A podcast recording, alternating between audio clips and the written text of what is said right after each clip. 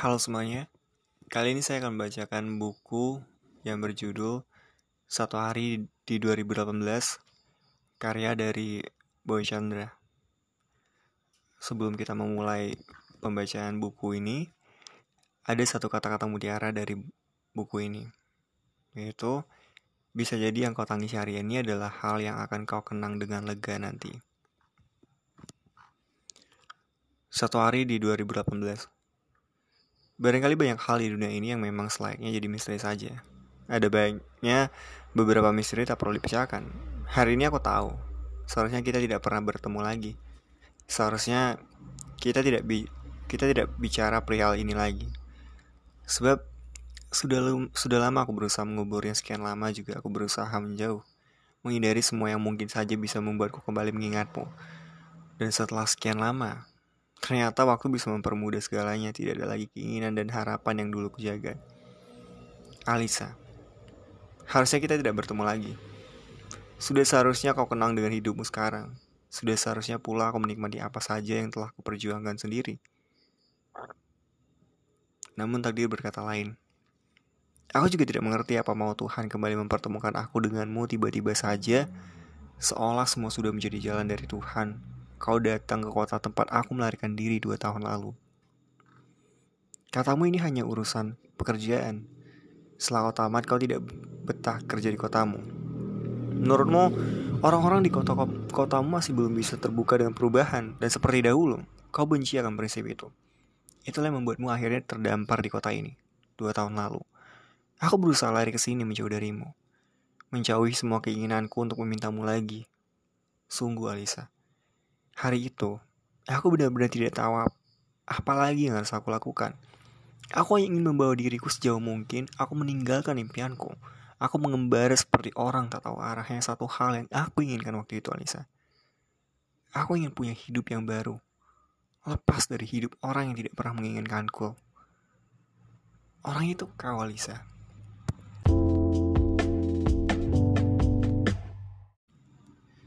Dua jam sudah kita berdiri di tempat ini. Sejak beberapa hari lalu kau menghubungiku, katanya kau butuh bantuanku. Awalnya aku keberatan, Lisa. Bukan karena aku tidak ingin membantumu. Aku hanya berusaha sebisanya tidak ingin bertemu kau lagi. Sama seperti dua tahun lalu. Saat aku memilih pergi dari kotamu, apa yang kau lakukan rasanya sudah membuat hancur hatiku. Tetapi sungguh, aku tidak berniat membencimu. Aku ingin belajar mencintai diriku sendiri. Seperti kata sahabatku waktu itu. Jika orang yang kau cintai mengabaikanmu, bahkan mempermainkan perasaanmu sungguh, dia tidak layak untuk kau sedihkan. Dia tidak layak menghancurkan hatimu, sebab dirimu jauh lebih berarti. Itulah Alisa. Awal mula aku mencoba memahami diriku. Aku memang harus melepaskanmu. Tidak tanggung-tanggung, Alisa. Aku merantau tanpa modal apa pun selain modal patah hati yang kubawa. Betapapun pahit hidup di rantau ini aku tanggung, Alisa. Aku ingin lepas dari keinginanku untuk mencintaimu. Aku ingin mencintai diriku sendiri. Dua tahun sudah semuanya kubangun, aku mencoba menata lagi hidupku, mencoba lagi merakit hatiku yang sudah berantakan oleh sikapmu. Namun kini kau meminta aku bertemu. Ini berat bagiku, namun aku tidak ingin membencimu. Apalagi sampai menaruh dendam padamu. Tidak, Lisa. Aku tidak begitu. Biar kau sajalah yang pernah mematahkan hatiku. Aku tidak ingin melakukan kejahatan yang sama. Meski berat, Aku tidak pernah tega kepadamu, Lisa. Jauh berbeda dengan apa yang kau lakukan dua tahun lalu kepadaku. Aku akhirnya menemuimu di tempat ini. Aku sengaja mengajakmu bertemu saat sore, sebab aku tidak suka suasana pagi dan malam hari bersamamu. Dua tahun lalu, hampir setiap pagi aku memikirkanmu. Juga kau saja yang ada di kepalaku saat aku ingin tidur. Itulah alasan kenapa aku menemuimu sore hari. Biar kau sajalah yang pernah mematahkan hatiku, aku tidak ingin melakukan kejahatan yang sama. Kamu apa kabar, Van? Baik. Aku berusaha tersenyum. Ternyata kau masih seperti Ivan yang kau kenal dulu. Pendiam. Kau ikut tersenyum. Aku hanya berusaha membahas seadanya. Irfan yang kenal dulu, kalimat itu terasa mengingatkan sesuatu, Alisa. Namun aku berusaha menepisnya. Bagaimana mungkin kau bisa mengatakan aku masih Irfan seperti yang dulu? Sementara waktu dua tahun sudah membuatku jauh. sudah membawa ke kota ini, tempat yang begitu jauh dari kotamu. Apa yang bisa aku bantu? Tanyaku. Aku ingin segera mengakhiri pertemuan kita. Kau salah mengerti gelagatku. Kau menyebutkan tujuanmu, kau butuh bantuan untuk diantarkan ke sebuah sekolah terpencil. Berada di, di ujung kota ini. Daerah paling pinggir. Kau ingin mengajar bahasa Indonesia di sana, hal yang dulu ku kagumi darimu. Aku juga suka berhadapan dengan anak kecil, namun itu dulu, dua tahun lalu. Beberapa saat kemudian kita berangkat. Aku mengantarmu pulang ke penginapanmu. Besoknya aku berjanji untuk menemani ke sekolah itu. Dan aku pikir adalah adalah saat terakhir aku akan bertemu denganmu. Aku sungguh tidak ingin lagi bertemu denganmu. Dua tahun sudah melarikan diri ke kota ini membuatku mulai terbiasa tanpamu. Dan aku tidak ingin lagi merasakan kebiasaanku. Dua tahun lalu. Laki yang berharap kau mau mencintaiku, aku takut. Merasakan lagi betapa sakitnya cinta yang tak kau balas.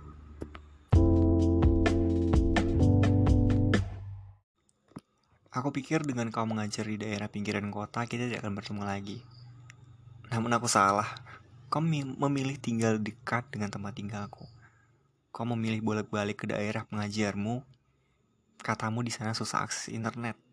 Kau butuh materi ajar yang baru agar murid-murid menjadi lebih pintar. Kau memang sangat mencintai pekerjaanmu, setidaknya itu masih sama seperti kau yang dulu. Perempuan yang begitu mencintai apa pun yang ia lakukan. Kita pun mulai sering bertemu. Kau datang sesekali ke tempat kerjaku, di akhir pekan saat kau tidak mengajar, kau memilih membaca buku di kafe kecil milikku. Sejak dua tahun lalu aku merintis usaha ini. Membuat kafe baca untuk orang-orang di kota ini. Tidak terlalu besar, namun Berkat bantuan teman-teman yang kukenal di kota ini, mereka memberikan buku koleksi mereka secara sukarela. Jadilah kafe ini dengan koleksi buku yang hampir lengkap. Selain makanan dan minumannya memang dijual dengan harga bersahabat, dua tahun sudah aku menghabiskan waktu di sini, Alisa. Aku berusaha menenangkan hatiku, aku tahu kau suka buku dan mencintai bahasa Indonesia. Itulah sebabnya aku memilih membangun kafe ini, dengan melihat orang membaca dan menikmati waktu dengan buku. Setidaknya, Aku merasa masih ada harapan untuk bertahan. Meski aku tidak pernah lagi berharap kau mencintaiku, Alisa. Seperti, seperti yang apa yang aku harapkan dua tahun lalu. Namun waktu menghadirkan hal lain di antara kita. Kebersamaan yang akhir-akhir ini menyelimuti kita menjadi sesuatu yang membuatku merasa kau mulai berbeda. Kau tidak seperti dulu. Perempuan yang mengabaikan aku, laki yang ber, bahkan bersikeras mohon untuk kau cintai. Malam ini selepas kafe mau tutup, kau masih saja betah di sana. Aku tidak berani mengusirmu, kau tamuku di sini. Sama seperti yang lainnya. Tidak mungkin aku mengusir tamu yang datang ke kafeku. Kau masih duduk di pojok kafe dengan buku yang berada di tangan dan di meja. Akhirnya, aku segera menghampirimu. Dari tadi aku mencari kata yang tepat untuk mengatakan padamu, aku ingin menutup kafe ini. Kau harus pergi. Maaf Alisa, kafe ini ingin aku tutup. Kau bisa datang lagi besok. Kau menatapku sejenak lalu meletakkan buku yang ada di tanganmu di atas meja. Terima kasih, ucapku, mengambil buku yang kau serahkan. Tapi kau tidak langsung pergi. Setelah kau membayar minuman dan makananmu, kau menatapku, lalu mengatakan sesuatu. Boleh kita bicara sebentar? Aku ingin menolak tetapi aku tidak melakukannya. Aku memberi syarat kepadamu untuk menunggu sebentar, aku mengembalikan buku-buku yang kau baca ke rak buku. Kau terlihat mengatur napasmu beberapa saat kemudian kau mulai mengutarakan apa yang ingin kau katakan. Irfan, kau masih ingat kejadian dua tahun lalu? Masih jawabku. Apa kau pergi ke kota ini untuk menghindariku? Aku tidak tahu apa maksudmu, namun sejujurnya aku tidak lagi ingin bahas semua ini. Kau menghadirkan perasaan-perasaan yang dua tahun ini kutimbun dengan segala kesibukanku. Bukankah kau yang menghindariku? Aku balik bertanya. Kau jawab saja, kau jawab saja pertanyaanku. Kenapa tiba-tiba kau menghilang dan kau pergi ke kota ini? Tidak usah mengajukan pertanyaan balik. Kau masih saja egois, Alisa. Kedua tahun ternyata tidak membuat sifat egoismu banyak berubah. Iya, aku menghindarimu. Kau tersenyum, mengatur kembali nafasmu. Aku juga melakukan hal yang sama malam itu terasa seperti suasana dua tahun lalu. Saat aku begitu menginginkanmu. Apa dulu kau begitu mencintaiku? Tanyamu. Menurutmu, harusnya kau tidak bertanya. Jawab saja, kau memang suka seenaknya, Alisa. Iya, aku bakal mencintaimu melebihi apa pun yang pernah aku cintai waktu itu. Kemudian beberapa saat kita saling diam. Aku tidak tahu harus mengatakan apa kepadamu, aku hanya menunggu sebenarnya apa yang kau inginkan. Hingga beberapa menit setelah kita saling diam, kau kembali buka pembicaraan. Irfan, aku tidak mengerti kenapa dulu aku menolakmu. Kenapa aku dulu mempermainkan hatimu. Namun sejak kau pergi, aku merasa ada yang hilang. Aku merindukanmu setelah itu. Kau mengatakan itu dari hatimu. Aku tahu. Aku bisa merasakannya dari tatapmu. Kenapa kau tidak mencariku saat itu? Kenapa kau tidak menahanku? Tanyaku. Aku masih ingat.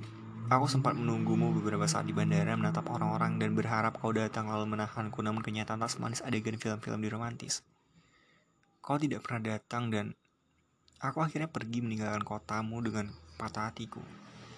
Aku tahu waktu itu aku salah, Ivan. Kau tahu kenapa sekarang aku datang ke kota ini? Kau ingin mengajar anak-anak bahasa Indonesia seperti cita-citamu dulu? Jawabku datar. Aku mengalihkan mataku darimu.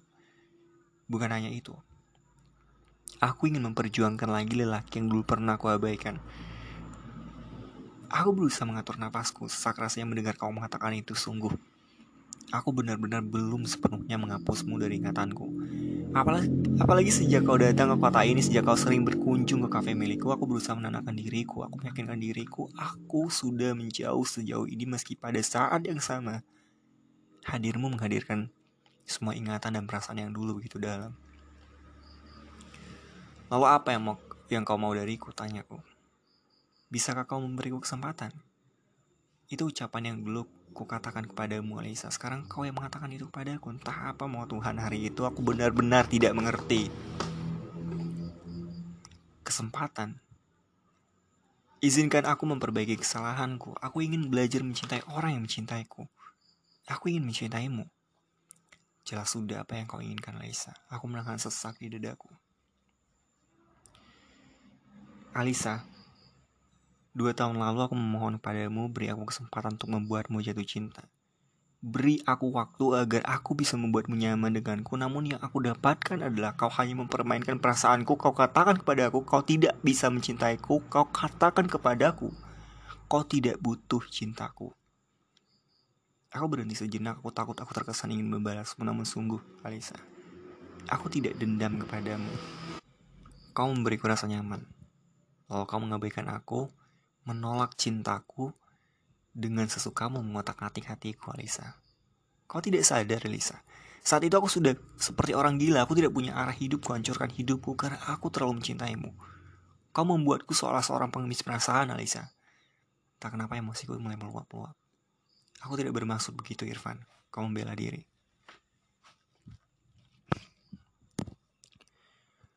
Dua tahun bukan waktu yang sebentar, Alisa. Aku pergi ke kota ini untuk menemukan hidup yang baru bagiku. Alisa yang kucintai sudah mati. Perempuan itu sudah tidak ada lagi dalam hidupku. Tidak akan pernah ada lagi Alisa. Kau yang sekarang adalah Alisa yang baru, teman lama yang butuh bantuan. Hanya itu, tidak lebih. Aku mengalihkan pandangan darimu. Aku bisa menatap matamu yang kecewa, Kau dulu selalu bisa mendapatkan apa pun yang kau inginkan Bahkan kau bisa memberiku harapan lalu mencapakan aku begitu saja Hingga semua kesakitan itu membawa aku ke kota ini Tumbuh dan mencoba hidup lagi setelah begitu hancur kau buat hati ini Beberapa saat kemudian aku pulang, aku menutup pintu kafe, seseorang menungguku dengan senyum yang tak pernah berubah sejak aku mengenalnya. Terima kasih. Kau masih memberiku kesempatan untuk mencintaimu, ucapnya. Maaf sudah membuatmu sudah sedih beberapa hari ini. Mulai malam ini, kupastikan kau saja selamanya. Aku memeluk perempuan itu, dia mungkin tidak seperti Alisa, namun dirinya, darinya aku belajar bahwa mencintai orang yang mencintai kita jauh lebih menyenangkan. Namun darinya aku belajar bahwa mencintai orang yang mencintai kita jauh lebih menyenangkan.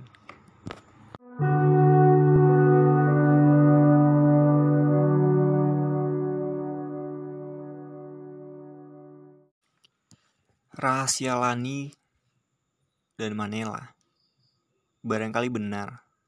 salah satu tujuan manusia diciptakan adalah untuk menjadi tempat sampah.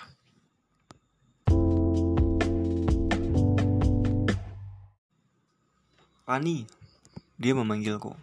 Sahabat terbaik sejak kami masih terlalu kecil. Bahkan mungkin sejak masih kami dalam kandungan.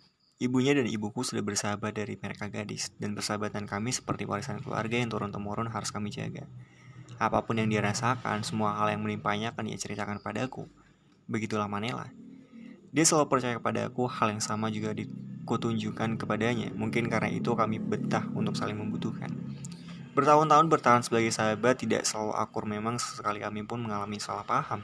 Namun persahabatan kami jauh lebih kuat dari kesalahan yang satu di antara kami lakukan. Barangkali benar, salah satu tujuan manusia diciptakan adalah untuk menjadi tempat sampah. Ella, aku berhenti. Yang memanggilku berjalan mendekat. Kamar ini sibuk. Aku sudah tahu ke mana arah pertanyaannya, Manela butuh teman curhat. Tentu aku tidak akan menolak. Sesibuk apa pun aku, selalu akan kusempatkan mendengarkan dia bercerita. Begitulah sahabat, kadang ada masanya kita harus merelakan waktu lelah kita. Agar orang yang kita sayangi bisa bahagia.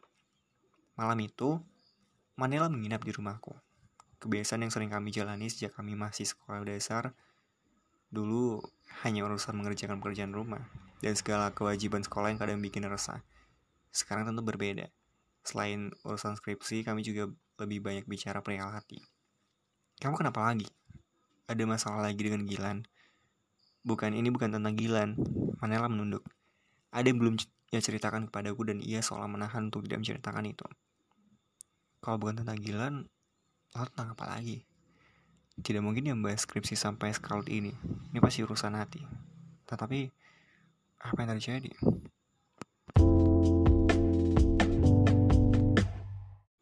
Gilan Bahri adalah lelaki yang kami temui di awal masuk kuliah. Dan mulai hari itu, aku bisa melihat sesuatu di mata Manela. Rasa kagum sekaligus suka kepada lelaki berkulit putih itu. Kamu yakin suka sama Gilan? Tanyaku. Kenapa emang? Dia kan anak cupu gitu. Sesekali seru juga kalinya pacaran sama lelaki baik-baik seperti Gilan. Itu yang aku khawatirkan sebenarnya. Yang aku tahu Manela hampir tidak pernah serius menjalani hubungan asmara dengan laki-laki. Sejak dia dihianati lelaki yang dengan sepenuh hati ia cintai, Manela seolah menganggap semua lelaki sama hanya untuk dijadikan permainan. Kalau kau tidak mempermainkan lelaki, maka kau yang akan dijadikan mainannya. Itu yang dikatakan Manela. Sewaktu aku mencoba untuk menasihatinya. Tapi Gilan, dia lelaki yang baik. Kamu tidak boleh melampiaskan sakit hatimu di masa lalu kepada orang yang bahkan tidak tahu masalahmu. Lani, kamu dari dulu selalu saja membawa apa pun dengan perasaan. Kalau kamu terus begitu, kamu akan menjadi perempuan yang selalu tersakiti. Ella, aku hanya ingin kamu tidak melakukan kesalahan. Terima kasih Lani. Tapi aku tahu apa yang aku lakukan. Aku paham. Dia tersenyum. Aku memang tidak pernah bisa marah kepada Manela.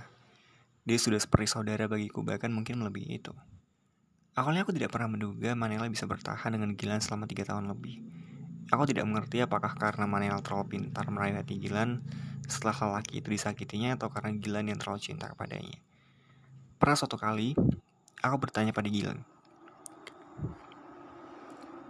Kenapa kamu masih mencintai perempuan yang jelas-jelas mempermainkan perasaanmu? Dia hanya tersenyum seadanya. Untuk membuat dia mengerti bahwa aku bukan lelaki yang tidak layak dia permainkan, jawabnya tenang. Obrolanku dengan Gilan hanya akan berakhir sesingkat itu. Tidak akan ada obrolan panjang seperti aku mendengarkan curahan hati Manela. Menjadi orang yang berada di posisi seperti, sepertiku kadang jenuh juga. Bagaimana tidak? Di satu sisi aku harus mendengarkan sahabatku sendiri. Cerita tentang ia bertemu dengan laki lain, lalu merasa suka dan menjalani hubungan diam-diam sementara di sisi lain aku juga mengenal kekasihnya. Laki yang memilih tidak mau tahu atau tidak mempermasalahkan apa yang dilakukan perempuan yang menjadi kekasihnya. Aku menjadi serba salah. Gilan susah dibedakan. Apakah dia memang terlalu baik atau terlalu naif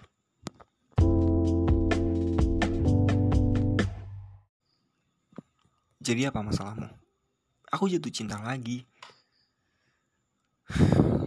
sudah kuduga nih kesekian kalinya dia mengaku seperti itu Meski pada akhirnya dia kembali pada Gilan juga Mau sampai kapan kamu akan seperti ini? Sejujurnya, aku mulai lelah mendengarkan ceritanya seperti ini terus. Kali ini beda, Lani. Ini cinta yang dewasa. Aku tidak, aku juga tidak mau main-main terus. Dia terdengar lebih serius. Maksudmu? Aku butuh lelaki yang mapan, lelaki yang sudah punya masa depan, sementara kamu juga tahu kan, Gilan masih sama seperti kita. Masih berstatus mahasiswa. Aku menggeleng sejak kapan dia bisa berpikir seperti itu, bukankah selama ini baginya sama saja.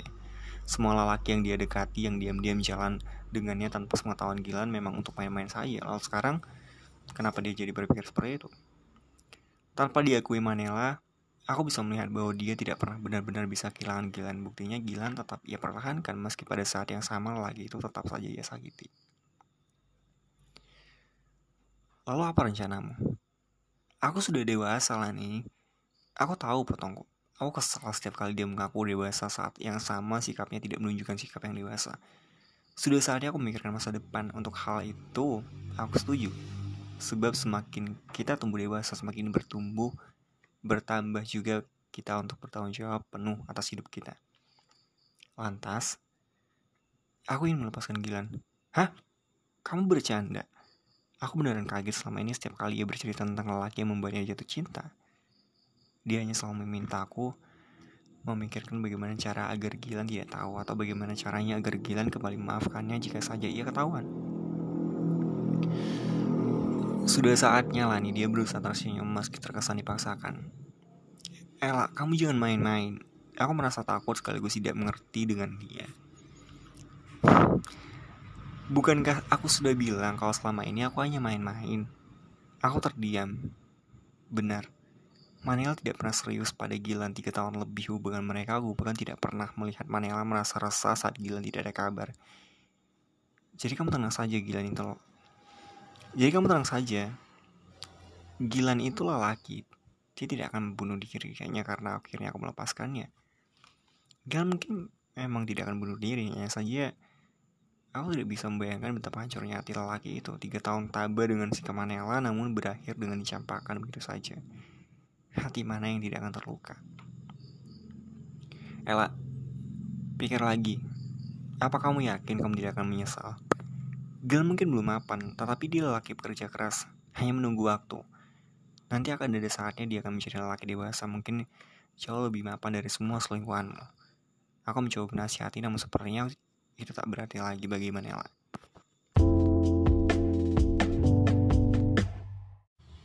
Kalau ada yang bisa membuatmu bahagia hari ini, kenapa harus menunggu yang belum pasti? Manela menatapku dengan senyum licik, selalu merasa menang atas apa yang dia dapatkan selama ini tanpa memikirkan bagaimana lelaki yang selama ini menemaninya. Aku tidak bisa memaksakan dia untuk tetap bersama Gilan, hanya saja sedih melihat sahabat yang tumbuh bersama kini menjadi orang yang seolah tak mengenal dirinya sendiri. Ia menjelma perempuan yang lepas kendali, ia menjelma menjadi perempuan yang tega. Apa sebegitunya pak bahaya patah hati bagi perempuan yang terlalu cinta? Bersahabat dengan Manel ternyata membuat kami tidak benar-benar saling mengenali. Aku pikir Manel tidak akan pernah melepaskan Gilan, sebab yang aku tahu, Gilanlah lelaki yang mampu bertahan selama itu dengannya. Lalu bukankah perempuan hanya butuh lelaki yang ingin mencintainya di setiap kondisi apa pun? Bahkan di kondisi yang paling buruk sekalipun. Tidak ada satupun orang yang benar-benar mengenali seseorang secara penuh. Bahkan mungkin orang tua dan orang paling dekat dengannya. Manela dengan segala pemikiran yang sulit untuk mengerti namun bukankah persahabatan memang diciptakan untuk hal-hal seperti itu? Agar kita saling memahami satu sama lain. Agar kita bisa belajar untuk mengerti apa yang belum kita pahami. Lani, kamu jangan sibuk kuliah terus, saatnya mikirin pacar, pendamping hidup. Manila menggoda aku sebelum akhirnya memilih tidur. Aku hanya tersenyum, ada hal yang tiba-tiba membuatku resah. Dua jam berlalu, Manela sudah terlelap. Aku masih saja tidak bisa tidur. Bukan karena curhatan Manela yang ingin melepaskan gila, namun ada hal lain yang membuatku semakin gelisah tak karuan. Sesuatu yang tidak pernah aku ceritakan kepada siapa pun, tidak kepada ibuku, juga tidak kepada Manela. Aku tidak tahu harus merasa senang atau sedih saat mendengar Manela berniat melepaskan Gilan selamanya. Itu artinya, Manela akan memilih jalan hidup baru. Hanya saja, Manela tetaplah Manela. Dia bisa berubah, pikiran kapan saja, dan itu membuatku semakin gelisah. Karena diam-diam, aku juga menjalin hubungan asmara dengan Gilan.